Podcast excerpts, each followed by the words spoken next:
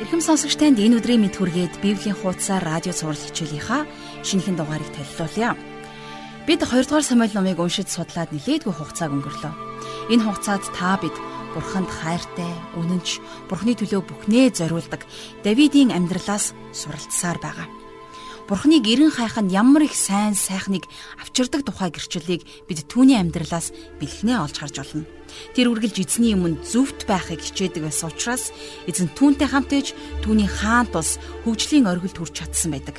Тэр үед Давид эзэнтэй хамт алхсан шиг өнөөдөр ч гэсэн эзэн та биднийг өөртөө хамт алхаасаа гэж дуудаж байна. Тэр танаар дамжуулан эргэн тойронд чинь хөгжил цэцэглэлт хайр инэрлийг авчрах болтугай. Учир нь бурхан таныг урсгал усны дэргэд тарьсан мод адил цагтаа үр жимсээ ургуулдаг бөгөөд навчсан хатдаггүй үйлс бүхэн нь үлзийтэй юмаа гэж амлаж дуудсан нэгэн. Тиймээс бурхны үгийг сонсох энэ цаг мөчийг түүнд даатгаад жаргал ашиг хичээлийг бүлээн авч сонсцгоё. Бурхан эзэн минь бидэнд энэ цаг мөчийг бэлдэж өгсөнд баярлалаа. Бид таны хайрыг мэдэрч байгаа. Тиймээс бүх зүрх сэтгэл, бүх оюун ухаанаараа таныг хайрлаж бид танд үйлчлэмээр байна. Их эзэн минь ээ, бид таныг дэлхийд харуулахыг үнэхээр хүсэж байна. Таныг хүлээн аваагүй байгаа тэр олон мянган хүнд таны хайрыг мэдрүүлэхийг хүсэж байна. Бид танд өөрсдийгөө өргөе. Та хүснээрээ ажиллаж таныг алдаршуулахад туслаарай. Хичээлийн энэ цагийн эхнээс нь дуустал бид таны моторт үргэж Есүс Христийн нэрээр талархан залбирanгуйлаа. Амен. Харин одоо жаргалах ширэнд анхаарлаа хандуулъя.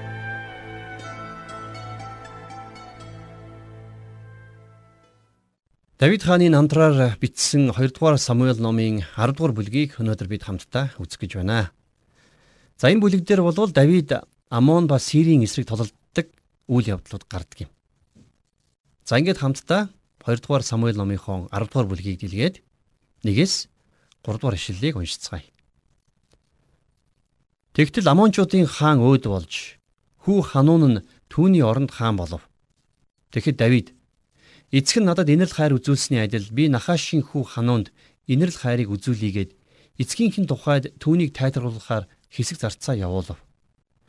Давидын зарц нарыг Амончуудын нутагт ирэхэд Амончуудын ноёд өөрсдийн эзэн хануунд танд тайлбарлагчдыг илгээснээрээ Давид эцгийгт нь хүндэлж байна гэж та бодож байна уу? Хотыг мань судлан тандаж тэгээд оргонгоор нь хүмрүүлэх гэж Давид танд зарц нараа явуулсан босуу гэв. За хаанаас хаалгач нь гихчээр ханууны туслагч нар Давидэд итгээгүй. Тэд нар өөрсдөд рүү дайрах гэж байна гэж бодсон учраас Давидын нөхөрсөг хандлагыг огт буруугаар хүлээж авсан байна. За 10 дугаар бүлгийн 4 дугаар ишлэлийг харъя. Тимээс хануун Давидын зарц нарыг барьж тэдний сахлын талыг нь хусаад хувцсыг өгзөг хаваар голоор нь тайраад буцааж явуулав. Энэ бол тэр үедээ хамгийн аимшигтай доромжлол байсан. Давидын элч нарыг эннээс илүү яаж доромжилж болох тухай бодохч арга энэ алга байна. Давид хэдийгээр сайныг хүссэн боловч хануун харин тэрнийг инхүү дайнд дуудаж байна. За цааш нь 10 дугаар бүлгийнхээ 5-аас 6 дугаар ишлэлийг харъя. Давидэд энэ тухай айлтгсанд тэрээр тэднэр лөө хүн явууллаа. Учир нь ирчүүд маш их ичиж байжээ. Хаан сахлаа урагтал эрийнхөөд байж байгаад дараа нь босож ирцгээе гэж хэлүүлв. Давид жигшигдэх болсноо хараад Амоны хөвгүүд хүмүүс илгэн Бет Рехобын арамчууд болон Зобагийн арамчууд болох 20 мянган явган цэргийг мөн Макагийн хааныг 1 мянган цэрэг болон Тобийн 12 мянган эрийн хамт хөлслөн авлаа. За Амончууд өөрсдийгөө Давидын зөвүүцлийг хүргэснийг ойлгож дайнд бэлтгэж эхэлсэн. Бид нэр Сирийн цэргийн хүчийг нилээд их хөрөнгөөр хөлслөн авсан тухай хожим бид нар хамтдаа шаштрын дээд номноос үзэх болно. За 7-оос 10 дугаар ишлэл дээр Давид үүнийг сонсоод Йоабыг хамаг цэргүүд болох хүчит эрсдийгээ илгээв. Амоны хөвгүүд гарч ирэн голдон хаалганы үүдэнд тулалдааны жагсаалаар жагссан бөгөөд Зоба болон Рехомын арамчууд мөн Тоб болон Макагийн хүмүүс задгай талд тусдаа байцгаав. Тулалдаан түүний урд ба ард талд нь байгааг Йоб хараад Израилийн шилдэг зарим ирчүүдийг сонгон авч тэднийг арамчуудын эсрэг жагсаан байрлуулав. Харин үлдсэн хүмүүсийг өөрийн дүү Абишагийн гарт даатгсан бөгөөд тэрээр Амоны хүүгүүдийн эсрэг тэднийг жагсаан байрлууллаа. За Израильчуудын хувьд энэ үед жинхэнэ ахмад дайчин болсон байсан гэж би хэлж болно. Йоаб шилдэг ирчүүдээ сирчүүд болон амончуудын эсрэг байрлуулснаар тэднийг хоорондоо уулзахад нь саад тавих нарийн стратегийг ашигласан байна. За цааш нь 18-аас 19 дугаар эшлэлдэр Гэвч арамчууд Израилаас зугатаасан бөгөөд Давид арамчуудаас 700 тэрэгт цэрэг 40 мянган морд цэргийг алж цэргийн жанжин Шобахыг шархтуулсанд тэрээр тэндээ өхөв. Хададизерийн зарц байсан бүх хаад Израиль цохогдсноо хараад Израильтай инхийг тогтоон тэдэнд зарагдах болов. Ингээд арамчууд Амоны хөвгүүдэд дахин туслахаасаа айдаг болжээ. За энэ бол Израилийн агуу ялалт байсан юм. Энэ үйл явдал Давидыг тухайн үеийнхээ хамгийн шилдэг удирдагч болгосон лавтай. За бид хамтдаа сая Давидын хаанчлал за бас хүчрхэг удирдагч байсан үеийнхэн ялалтуудыг харлаа. Харин одоо 2 дугаар Самуэль номны 2 дахь буюу сүүлчийн хэсэг рүү орцгоё. За энэ хэсгийг бол би хувьдаа Давидын зовлонгууд гэж нэрлэдэг. За эхний хэсэгдэр бол бид нар яахын аргагүй Давидын ялалтуудыг харсан. Давид бурхны ивэл дор дэлхийн хамгийн агуу хаадын нэг болсон байсан нь үнэхээр гайхалтай байсан. А гэвч энэ бүлэг дээр Давидын хийсэн гим нүгэл нь бурхны шүүлтийг тэрний амьдрал дээр хэрхэн авчрахыг бид хамтдаа судлах болно. За энэ цаг үеэс хойш Давид хүнд хэцүү асуудалтай тулж зовлон дундуур явдаг. Тэрний амьдрал эргээд түүнд зөвхөн зүрхний шаналлыг дүүргэж өгсөн байдаг. Давидын хийсэн гим нүглээс нь болж өнөөдрийг хүртэл бурханд дайсагнагчд бурхныг үгүйсгэн доромжилсоор л байна. Давидын сайн сайхан агуу зүйлсийг том цагаан даваатай зөөрлөх юм бол бид нар түүний хийсэн гим нүгэл нь тэр цагаан даваан дээр тусаасан хар бихний толб шиг тов тодхон үлдсэн байгааг харах боломжтой. За энээс болж хүмүүс тэрний агуу байдлыг нь огт харахгүй өнгөрөх магадлал дэндүү өндөр байна. Гэсэн ч Давидын амьдралд автагдсан гим нүглийн олон хөвшлүүдтэй байгаагүй гэдгийг та бид нар үргэлж санаж байх ёстой. Одоо бидний ярих гим нүгэл болвол тэрний хувьд нэг удаа халтарсан алдаа байсан юм. Хэдийгээр нэг удаагийн алдаа байсан боловч Бурхны үгэнд Давидын хийсэн гим нүглийг цайруулах гэсэн оролдлого юр гардаггүй. Ягд үг гэхээр Бурхан гмийг байгаагаар нь нэрлдэг. За тэгээд ч Бурхан гмийг байгаагаар нь илчилж Давид ч гэсэн тэр гим нүглийнхаа шийтгэлийг амссан байна. Ингээд хамтдаа 2 дугаар Самуэль номын 2 дугаар хэсэг болох 11 дугаар бүлгийг эхлүүлцгээе. Хавар цаг хаад дайнд морддог үеэр Давид Йоабыг төшөмдүүд болон бүх Израилийн хамт илгээхэд тэд Амоны хүүгүүдийг сүрүүлж Рабаг бүслэн авав. Давид харин Иерусалимд үлджээ. За хавар цагт хаадууд дайнд морддог уламжлалтай байсан байна. Өөрөөр хэлэх юм бол тэр үеийн улс үндэстнүүд энэ цаг хугацааг хууль мэд тогтоосон байсан гэсэн. Энэ нэг талаар орчин үеийн ан агнуурын хуультай яг адилхан байдаг.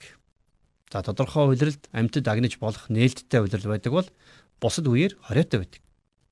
Магадгүй Давидын үеийн дайны хууль дүрм өнөөдөр биднийхээс ч илүү өндөр хөгжилттэй байсан юм шиг байна. Дэлхийн хоёр дайны жишээнээс харах юм бол хамгийн их сүрлийг хоорондын тулалдаан биш харин эрс тис хүйтэн өвлүүд авчирсныг түүх бидэнд хөөрөндөг. Тэгэхээр Давид хааны үед дайнд мордох үе улирал гэж бас байдаг байсан байна. Тэд нар дайсантайгаа тулалдахгүй амрах хугацаа хүртэл тогтоосон байсан гэсэн. За харин энэ удаагийн тулалдаанд Давид өөрийн жанжин Йоабыг Амончуудтай тулалдуулахаар явуулсан. Тэрээр хааны ёсоор хамт явалгүй Иерусалим хоттой үлдсэн байна. Энэ бол Давидын өмнө хийж байсан хэвийн үйлдэлүүдээс огт өөр зүйл болсон байдаг. Тэгэхээр яагаад Давид Иерусалимд үлдсэн юм бол? Бид нар энийг бүрэн мэдэхгүй ч гэсэн хид хідэн таамаглал дэвшүүлэх боломжтой. Тэр маш сайхан ордонтой болж тэрний амьдрал тэгшрэх үед тэр баг зэрэг тухалж амармаар санагдсан байх. За бас тэрний амьдрал залуу наснда Адуламын агууд нуугдж байсан үеэс огт өөр болсон. Тэр тансаглал тав тухтунд умбсан байсан. За тэгээд Давид бас Сион уулыг маш ихээр таалдаг байсан учраас энэ уулыг харж За ер нь л энэ газартаа байх маш их дуртай байсан байна. Тэгэхээр эндээс бид нар нэгэн зүйлийг ойлгож болно. Юу вэ гэхээр хөгжил цэцгэлэлт маш олон хүнийг өнөөдөр урагтаж байна. А гэхдээ тэрхүү тухлаг тансаг амьдрал эргээд бидний хамгийн том дайсан болдгоо гэдгийг олон хүний амьдрал гэрчилдэг. За энэний гэрчин Давид хаан ч гэсэн бас болсон юм. Давид Иерусалимд хотдоо туглан үлдсэн. Энэ бол тэрний гарах гэж байгаа алдааны зөвхөн эхлэл нь. Зарчмын хувьд гэх юм бол тэр гэртээ тухлалгүй. Өөрийнхөө дайчин ирчүүдтэй хамт дайнд явах хэрэгтэй байсан. За ингээд тэрнийг урагтсан тавлаг тухтай байдлаас нь ямар сонголт тэрэнд ирснийг хамтдаа үргэлжлүүлэн судалцгаая.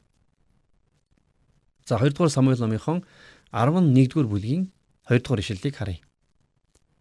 Тэгтэл нэгэн орой Давид орноосоо босож хааны өргөөний дээвэр дээгүүр алхаж байгаад угаал үлдэж буй нэгэн эмэгтэйг дээвэр дээрээс харав.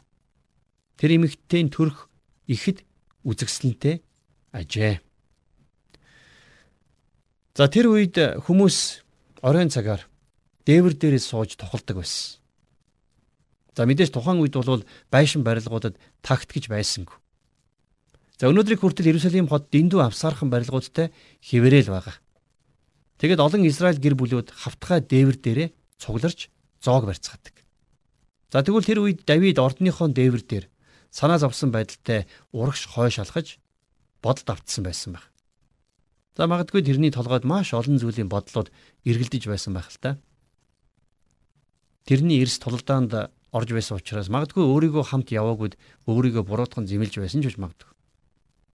За ингэж алхаж яваад майнер гинт гэрийнхээ тагтан дээр угаал үлдэж байгаа нэгэн бүсгүйг олж хардаг.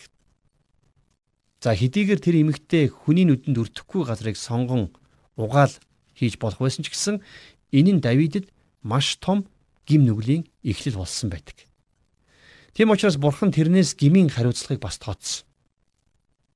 За тэгвэл ийм үйл явдал өнөөдөр ч гэсэн бас гарсаар л байна. Орчин үеийн эмэгтэйчүүдийн хувцалтыг харахад ирчүүдийг маш ихээр уруу татах өнгө аястай болчихсон гэхэд хэлцдэггүй бах тийм ээ. Эмэгтэйчүүд ийм байдлаараа ирчүүдийг ямар байдалд оруулж байгаагаа сайн анзаардаггүй бах. За тэгвэл Давидын харсан Батшибагийн хувьд тэрний ордноос харагдах газар байсан нь мэдээч. Ер нь энэ эмэгтэй энийг бодож үзсэн болов гэж өөрийн ирэхгүй бас асуумаар санагдаж байна. За 3 дугаар эшлэл дээр Давид хүн явуулж тэр эмэгтэй тухай лавлан асуухад тэр хүн нь эн чин хид хүн Уриягийн эхнэр Илиямын охин Батшиба биш үү гэв. За тэгвэл Урия гэж хүн гарч байна тийм ээ. Тэгэхээр Урия бол Израиль хүн байгаагүй. Тэр хит үндэстэй хүн байсан. За дөрөвдүгээр ишлэл дээр тиймээс Давид элч нарыг явуулж түүнийг авчруулав. Эмэгтэй түүн дээр ирсэнд Давид түүнтэй унтав. Тэр эмэгтэй бузраас цэвэршээд гертэ харилаа гэсэн байна. За энд муу юм болсныг энгийнээр бас яг байгаагаар нь дүрсэлсэн байна. Мэдээж бидэнд тодорхой ойлгуулахын тулд байгаагаар нь бичсэн. За Давид хэрвээ ирчүүдтэйгээ тулалдаанд явсан байсан бол ийм нүгэлд унахгүй байсан. За нөгөөтэйгөр бас Батшиба хэрвээ хүний нүднээс далдуур газар угаалга үйлдсэн болвол Давидыг сорилтонд бүдрүүлэхгүй байх байсан. За тэгээд үр дүнд нь юу болсон гэхлээр 5 дугаар эшлэлдэр эмэгтэй жирэмсэн болоод Давид руу хүн явуулж би жирэмсэн боллоо гэж хэлүүлвэ гэсэн байна. За ийм мэдээ сонссон Давидэд одоо бүрч хүнд асуудал тулгарсан. Тэр яах вэ? Батшибагийн нөхөр Уриян Давидын эрлэхэг дайчдын нэг. Тэр бол Давидэд үнэнчээр зүтгэж байсан хүмүүсийн нэг байсан. За 6-аас 7 дугаар ишлэлийг үргэлжлүүлэн харъя. Тиймээс Давид Йоаб руу хүн явуулж хид хүн Урияг над руу ирүүл гэж хэлүүлв. Ийхүү Йоаб Урияг Давид руу явуулжээ. Урия түүн дээр ирэхэд Давид түүнээс Йоаб ба тулалдааны явцын талаар лавлан асуув. За Урияг авчирсныхаа шалтгааныг Давид зүгээр л дайны тухай лавлан асуухын тулд авчирсан мэт дүр эсгэж байна. За тэгээд 8 дугаар эшлэл дээр тэгээд Давид Урияд гэртээ харж хөлөө угаахтун гэв. Урия хааны өргөнөөс гарч явсанд хаан түүний араас бэлэг илгээв. За тэгэхээр Давид гимээ булзааруулахын тулд элдв янзын хор найруулж байна. За 9 дугаар эшлэлдэр Гэвч Урия гертэ харилгүй. Хааны өргөөний үүдэнд эзнийхийн хамаг зарц нарын хамт унтжээ. Тэгэхээр Урия хааны ордны үүдэнд унтсан нь энэ хүний хувьд дайны үеэр гертэ харихгүй гэж шийдснийх байсан. Энэ үйлдэл нь Давидыг үнэхээр гайхшруулдаг. Үнэн дээр бол Урия Давидаас илүү хүн чанартай байсан гэсэн үг тийм ээ. Бас тэрний үгээр хилээгүй ч гэсэн үйлдэлээр харуулсан энэ жишээ ордондоо тансаглан сууж байсан Давидыг зэмлсэн арга байсан. За 10 дугаар ишлэлийг хамтдаа харъя. Үрия гэртээ хараагүй гэж Давидэд мэдэгдэхэд тэр Үрияд чи аянаас ирээгүй гэж юу? Яагаад чи гэртээ харсангүй вэ гэв. За тэгэхээр Давид Үриягийн эхнэрийг жирэмсэн болгосноо далдлахыг оролдож янз бүрийн арга саам ашиглаж байгааг та сая харлаа. За цааш нь юу болсныг 11 дугаар ишлэлээс харъя. Харин Үрия Давидд Бурхны авдар Израиль Юда нар майханд оргинож миний эзэн Йоаб болон эзний минь зарцснаар задгай талд хөвтөж байхад би гертээ идэж уун их нэртэйгээ унтахаар очих гэж юу? Та амьд би тийм зүйл огтхон ч хийхгүй гэв. Үрия үнэхээр хүн чанартай хүн байсан. Тэр хэдийгээр Израиль хүн биш, харь хүн байсан ч гэсэн Израильд үнэнчээр зүтгэж байсан. Ингэснээр харин энэ нь эсрэгээр Давидын гим нүглийг улам томруулам харагдуулж байна. Өрийн юу гэж хэлж гэнэ вэ гэхээр айран маань бас жанжин маань тулдааны талбарт байгаа. Тэд үнэхээр үхэл амьдралын дунд байна. Ийм байхад би яаж гэртээ тухлах юм бэ гэж хэлсэн гэсэн үг. За 12-оос 13 дугаар эшлэл дээр Иймд Давид Урияд өнөөдөр бас энд үлдэгтэн маргааш би чамайг явуулъя гэв. Ингээд Урия тэр өдөр болон дараа өдөр нь Иерусалимд байв. Давид Урияг хөрж өөрийн өмнө идүүлж уулгасаар согтоожээ.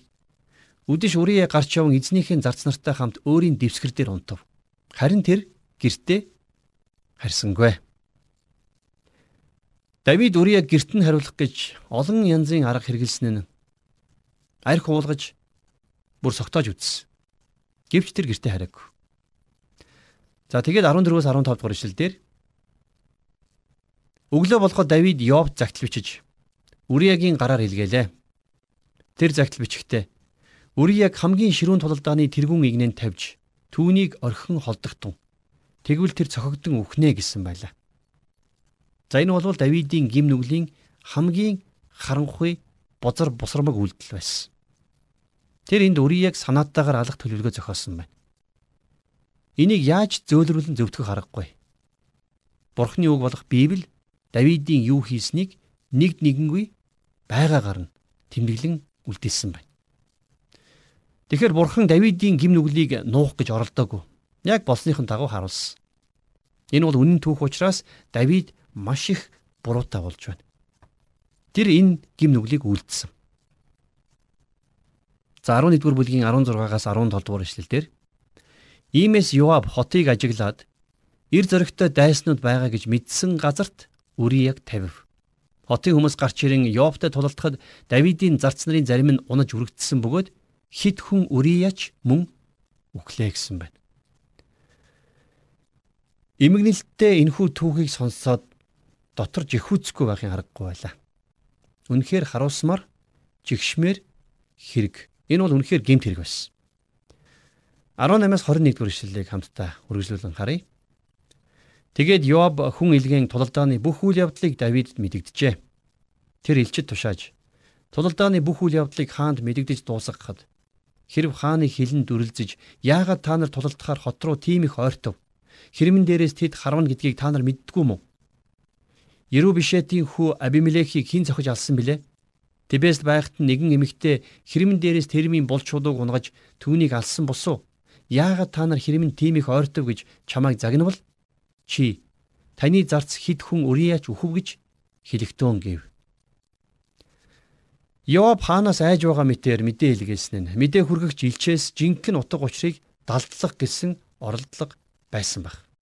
Тэгэхээр ингэснээрээ Йоаб бас л хувилдаанд оролцсон байна. За 22-оос 25 дугаар ишлэлийг харъя. Ингээд Илч мордон Давид дээр ирж Йоабын хил явуулсан бүгдийг мэдүүлв. Илч Давидэд дайсны ирчүүд бидний эсрэг давуу хүчээр байлдан хээр талд гарч ирсэн боловч бид тэднийг голдон хаалганы үүд хүртэл шахав. Тэгэхэд хэрвэн дээрээс харваачид таны зарцныг харваж хааны зарцнаар үргдэж мөн таны зарц хид хүн өрияч өхөв гэж өчөв. Тэгэхэд Давид илчид чи Юавд инхүү дамжуул. Илд хэнийгч залгидаг учраас энэ хэрэгт санаа бүү зовхтун. Хотын эсрэг давталгоогоо ширүүсгэж хотыг арчин хай гэж хэлж түүний урмыг сэргээ гэлээ. За эндээс харах юм бол Давид маш их чухал үгсээр ярьсан байгаа биз? Та тэрнийг ингэж ярьж байгаад түүний өмнөөс ичихгүй байна гэж юу? Тэр үнэхээр аимшигтай гим нүгэл үлдсэн. Тэр үүнийхээ хариуд яах ёстой вэ гэж та бодож байна. Мэдээж бид нар биш. Бурхан тэрнийг шүүх болно. За 26-аас 27 дугаар ишлэлдэр Нөхөр Үрия нүгсэн гэдгийг Үриягийн эхнэр сонсоод нөхрийнхөө төлөө гашуудав. Гашуудлын үе өнгөрөхөд Давид хүн явуулж тэр эмэгтэйг өргөөндөө авчруулав. Тэр эмэгтэй түүний эхнэр болж түүнд нэгэн хүү төрүүлв. Гэвч Давидын үйлдэлсэн зүйл эзний мэлмид ёрын муу байлаа. Давидын үйлдэлсэн зүйл эзний мэлмид ёрын муу байваа гэдгийг бид хизээч орхиж болохгүй. Давид нүгэл хийгээд зүгээр өнгөрөг. Давид энэ мөчийг хүртэл олон ялалт байгуулж байсан боловч энэ мөчөөс эхлэн үхэн үхтлээ маш их зовлон амсгуулна. Өнөөдөр итгэгч хүмүүс ч гэсэн бас гим нүгэл ундаг. Тэгэхээр бид нар гим нүгэл хийгээд зүгээр өнгөрнө гэж хизээч байхгүй. Бурхан Давидыг ч зүгээр өнгөрүүлээгүй. Тэрний хийсэн зүйл эзэнд ёрын муу байсан гэж Библи маш тодорхой хэлсэн байна. Ёрын муу зүйлсийн талаар эзэн заавал ямарваа нэгэн юм хийдэг. Бурхан өөрийнхөө хүүхдүүдийн гим нүглийг нь шүүж сахилгажуулдаг. Тэгэхээр тэр үед Давид өөрийнх нь хийсэн гмийг цөөнхөн байсан болохоор зүгээр өнгөрлөө гэж бодсон. Тэгэхээр тэр үед Давид өөрийнх нь хийсэн нүглийг цөөнхөн мэдсэн болохоор зүгээр өнгөрчлөө гэж бодсон байна. Давидын жанжин Йоаб үннийг мэдэж байсан. Давидын ойр дотны зөвлөгчд Батшибаг ордонд авчирсан болохоор тэрнийг яасныг нь мэдэж байсан. Харин эдгээр хүмүүсээс өөр хинч юу ч мэдээгүй. Мэдээж тэд нар энэ тухай ярихыг огтхонч зөрхөлгүй байсан баг. А гэхдээ Давид хаан хаан ширээндээ суухдаа олон зүйлийг бодож эхэлсэн.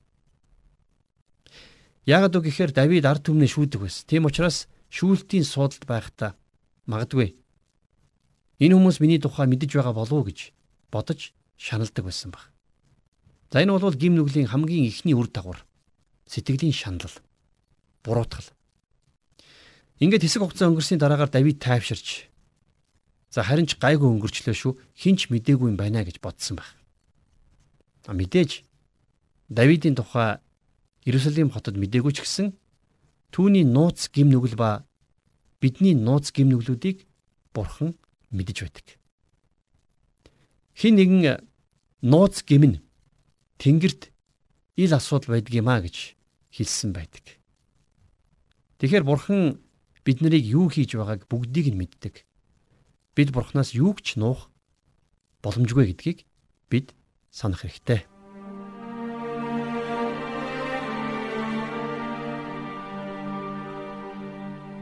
Тэгэхээр бурхныг үргэлж эрен хайж зөв шудраг байдлаараа алдаршилсан Давид хаан хүртэл үнэнч сэргийнхээ эхнэрийг авч түүнийг алуулан аимшигт нүгэл үлдэж.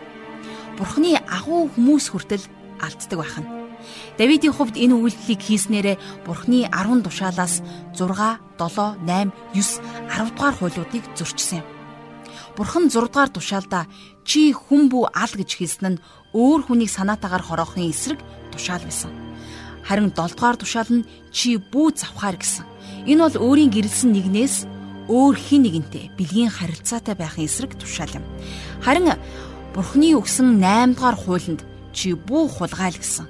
Энэ нь өөрийнх нь биш ямар нэгэн зүйлийг эзэмшиж байгаа хүний зөвшөөрөлгүйгээр альва тэр зүйлийг авахын эсрэг хууль байсан юм. Өнөөдөр хүн бүр энэнийг мэднэ. А тэгээд 9 дугаар тушаалда чи хөршийнхөө эсрэг худал битгий гэрчлээ гэж эзэн хэлсэн. Харин сүүлийн хууль нь бол чи хөршийнхөө гэр оронд бүү шунахаар чи хөршийнхөө ихнэр болон түүний зарц түүний шивгчин түүний үхэр илчиг хөршийнхөө юунд ч битгий шунахаараа гэж эзэн тушаасан байдаг. Тэгэхээр Давидын үйлцэн завхаарл хэрцгий аллах түүнийг нуун далдалсан үйлдэл нь Бурхны мэлмэд дэндүү бузар булаа хэрэг байсан юм. Хэрвээ Давид үнэн сэтгэл чин зүрхнээсээ гимжсэн бол түүний гимшлэр дамжуулан Бурхны өмнө дахин шинчлэгдэж сэргээгдэж чадах байсан. Гэхдээ 10 хуулийг ягштал сахиснараа үхлийн дараа Тэнгэрийн усад очих бүрэн баталгаа бол энэ биш. Тэртээ тэргүй бид гим нүгэл үйлддэг. Тиймээс бидэнд Бурхны инрэл нэгүсэл зайлшгүй хэрэгтэй. Энэ нь зөвхөн Есүс Христэд итгэх итгэлээр л боломжтой болдог. Тийм л авралын бэлэг гэж та бид ойлгож болно. Ингээд бодохоор бид ариун сүнсний тусламжгүйгээр түүний нүмер нөөлөггүйгээр зөвхт амьдрах ямар ч боломжгүй. Тийм ч учраас бид цаг мөч бүрт түүгээр дүүрч түүний хүч чадлаар амьдрах ёстой. Мөн сүнс бидний сул дорой байдалд хүртэл тусалд юм а гэж Паулийн бичсэн Ром номын 8 дугаар бүлгийн 26 дугаар ишлэлийг энд сануулад энэ цагийг хамтдаа өндөрлцгөөе. Бурхан Аава бидний нуун далгасан хинч мдээгүй ахаа гэж боддог тэдгээр гим нүглүүдийг зөвхөн таал мэддэг. Эзэн минь магадгүй үнийг ч гэсэн та мэдэх боломжгүй гэж бид таны өмнө хоёр нуур гаргаж бид таны эсрэг үйлдэлсэн болол их эзэн минь яг энэ цаг мөчүүд бид санаатаагаар болон санамсаргүйгээр хийсэн бүхий л алдаа зурчлынхоо төлөө таны өмнө гимшин улааж байна. Их эзэн минь Та бидний цус мэд улаан гимнүглийг ноос мэд сагаан болгооч гэж гуйж байна. Та биднийг хисопор цэвэрлэж таны өмнө цэвэр зүрхтэй, цэвэр оюун бодолтой, зөвхт мөн чанартай хэрэггүй тунгалаг ам амьдралаар амьдрахад та ариун сүнсээрээ, та нэгүслээрээ хайраараа биднийг цагаатгаач гэж гуйж байна. Их эзэн минь ээ бид таны алдрын төлөө амьдрахын тулд өнөөдрийн энэ цаг үед өгөгдсөн тэрл ахархан хугацааг танд алдрыг өргөж амьдрахад та туслаарай бүх зүйлийн төлөө таньда талархаж, амь амьдралаа танд даатгаж, Есүс Христийн нэрээр залбирanгуйж байна. Амен.